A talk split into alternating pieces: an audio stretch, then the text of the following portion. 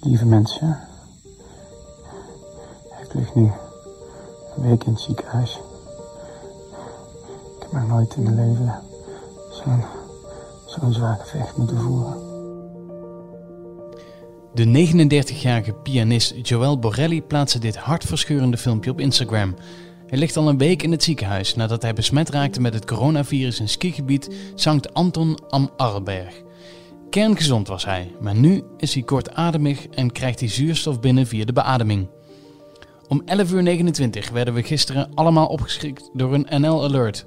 S'avonds herhaalde Arjen Lubach de boodschap nogmaals. Blijf binnen en als je dan toch naar buiten moet, hou dan anderhalve meter afstand. Na hamsterschaamte worden nu de mensen die boksen op het strand of gezellig in het park gaan zitten aan de schandpaal genageld. In Achter het Verhaal praat ik, Kevin Goes, je dagelijks bij over de laatste stand van zaken wat betreft het coronavirus. Vandaag hoor je Sander van Mersbergen over de verdeling van patiënten. Correspondent Edwin Winkels praat je bij over de lockdown daar en wat dat voor hem betekent. En Ellen den Hollander van Koken en Eten geeft tips over hoe je toch gezond kunt blijven in thuisisolatie. Maar eerst, het aantal dodelijke slachtoffers van het coronavirus is gestegen naar 213, zo meldt het RIVM vandaag. Het grootste aantal besmettingen wordt nog altijd gemeten in de provincie Brabant, waar ook onze verslaggever Sander van Mersbergen zit. Met hem praat ik over het centraal regelen van het verdelen van coronapatiënten over Nederland. Uh, nou ja, dat stamt eigenlijk uit uh, iets wat vorige week gebeurde. Vorige week uh, hebben de Brabantse ziekenhuizen aangegeven dat ze het niet alleen kunnen.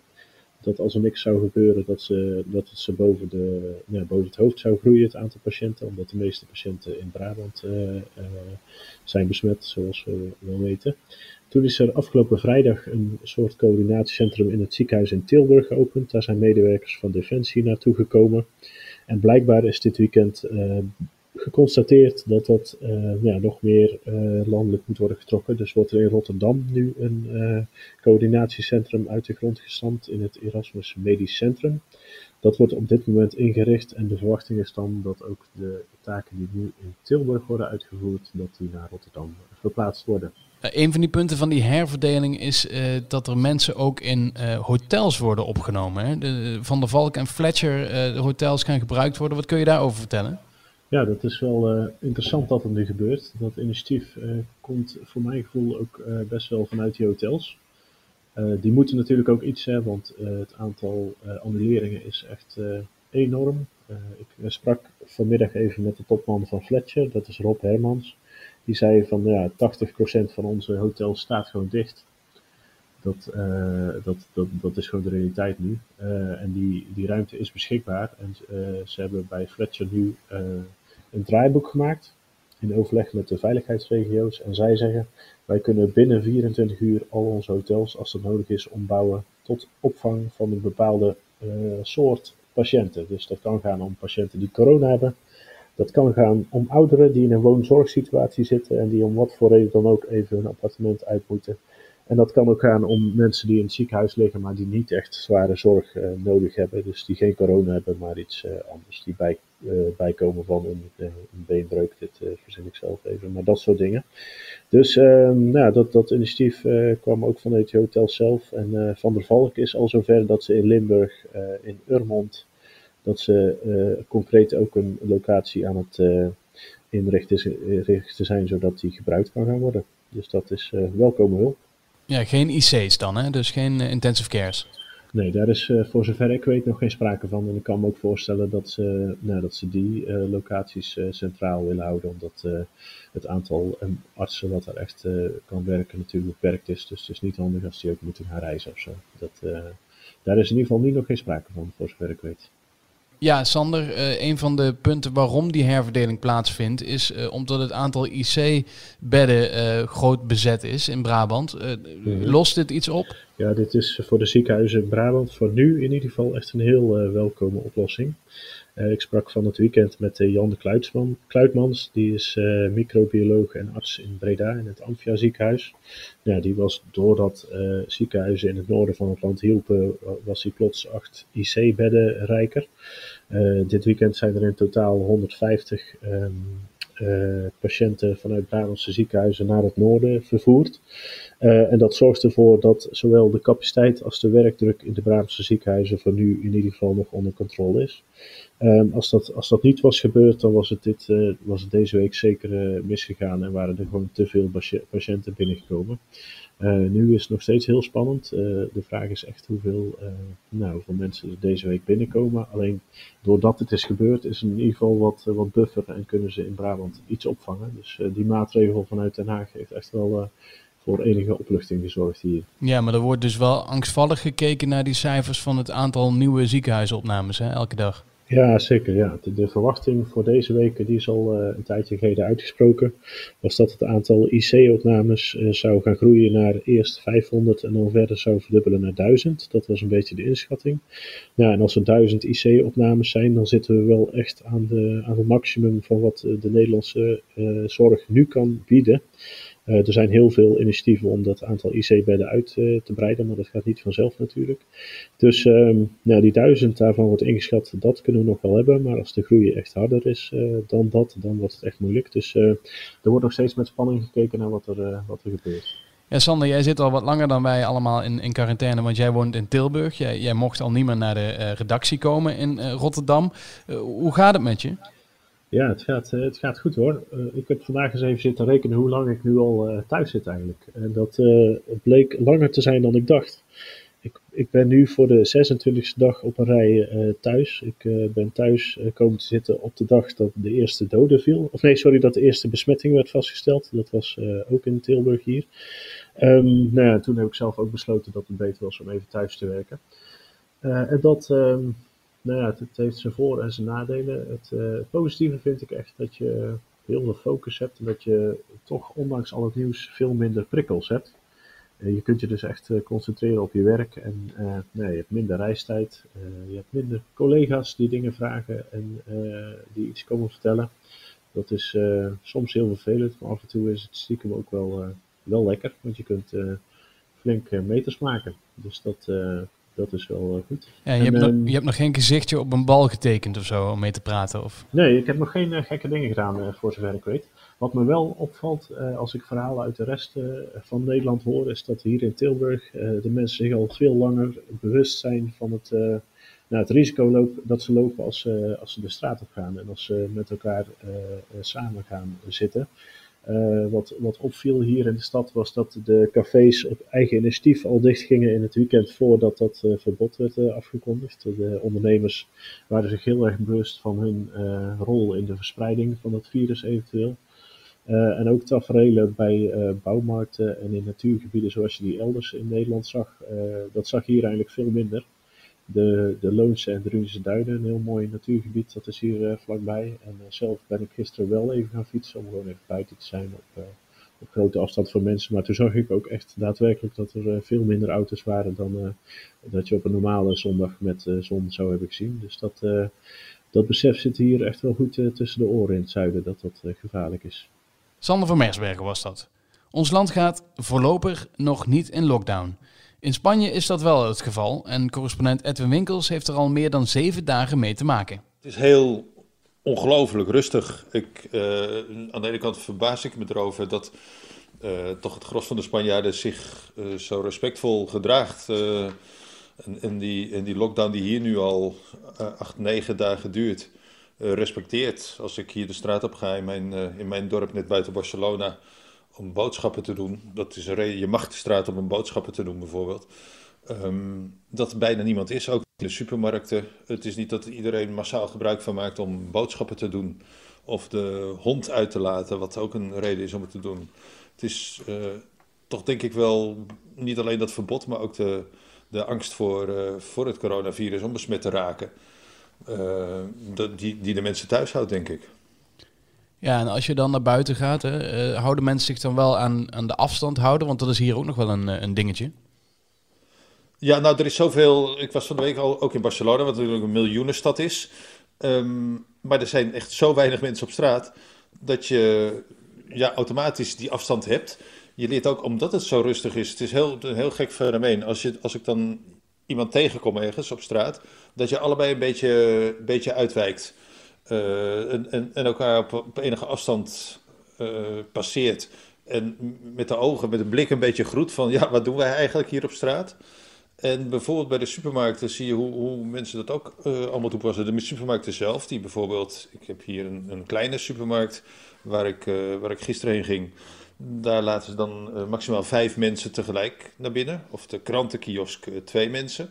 En dan vormt zich buiten op straat voor die supermarkt vormt zich een rij van mensen die minimaal anderhalve meter, sommigen wel twee, tweeënhalve meter op afstand van elkaar staan te wachten voordat zij eh, naar binnen mogen. Het is eentje uh, komt eruit en dan mag er weer één, uh, één naar binnen. Dus mede door de leegte is, is die, die afstand enorm. Ik woon hier aan een, vlakbij het strand, een, de grote boulevard van twee kilometer.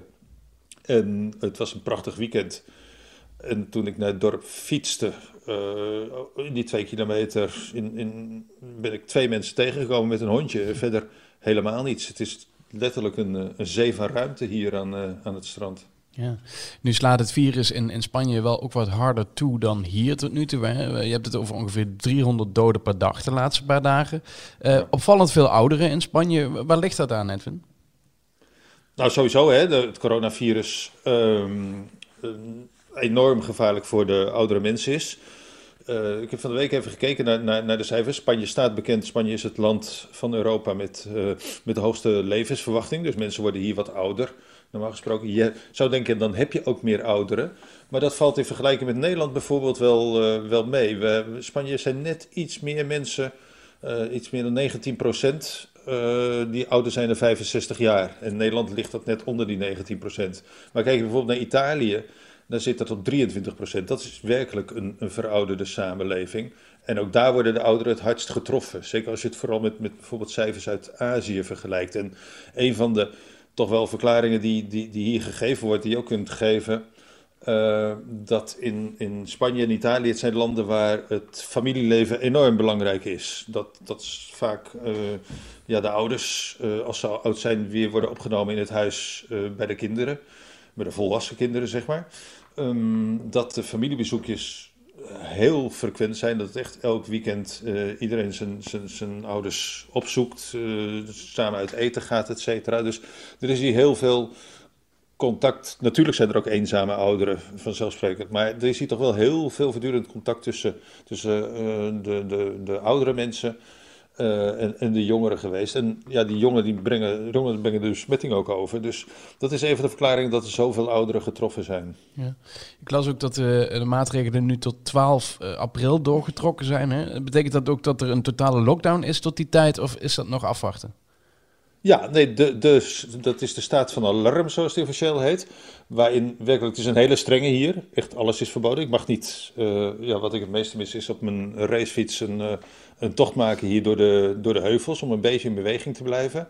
Dat mag niet. Hardlopen mag ook niet. Uh, je mag alleen inderdaad, om, wat ik zei, boodschappen te doen. Om de hond uit te laten.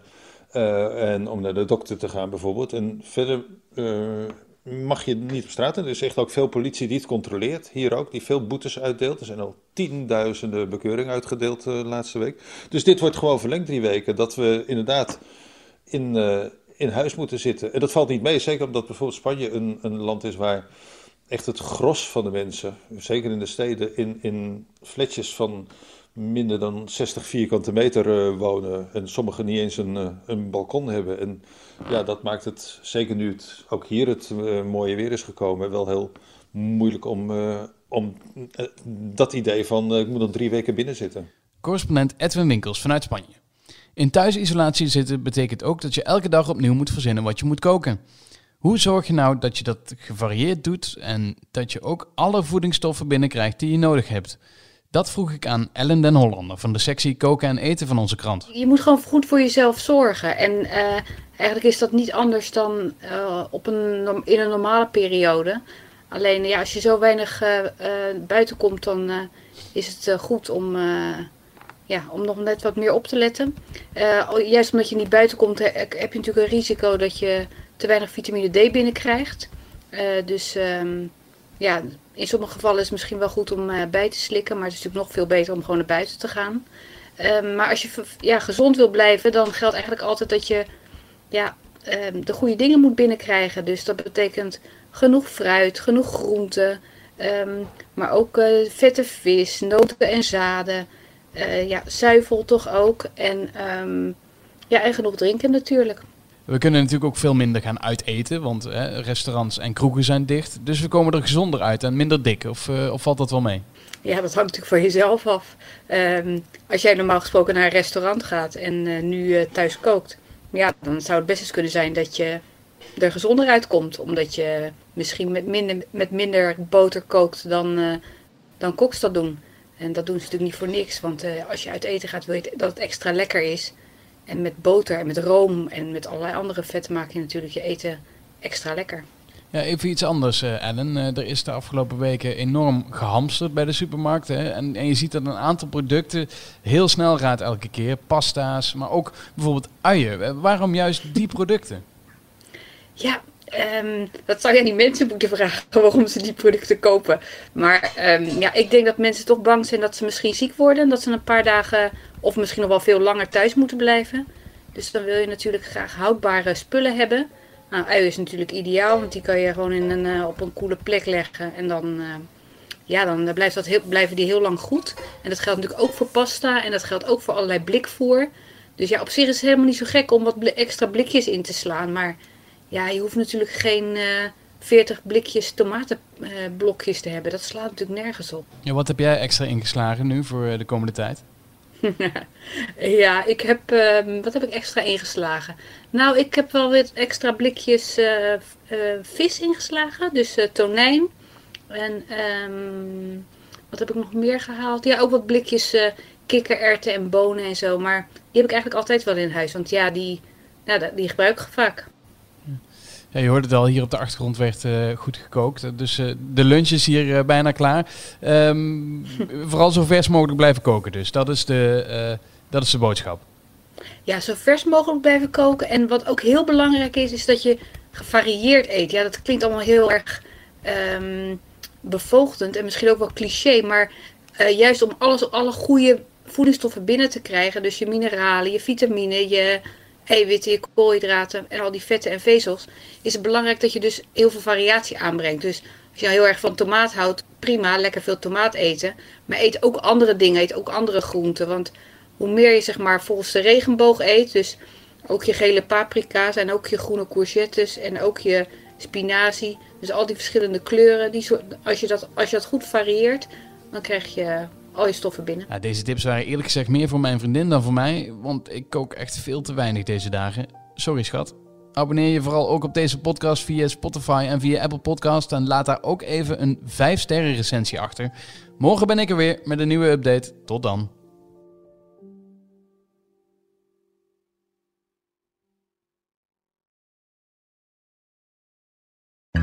Wereldnieuws gaat ons allemaal aan. Maar als het nieuws gaat over je stadje, je buurtje of je straatje, dan voel je, dit raakt. Daarom lees je in het AD alles over het nieuws in de wereld, Nederland en jouw regio. Download nu de AD-app en mis nooit wat voor jou belangrijk is. AD, altijd dichtbij.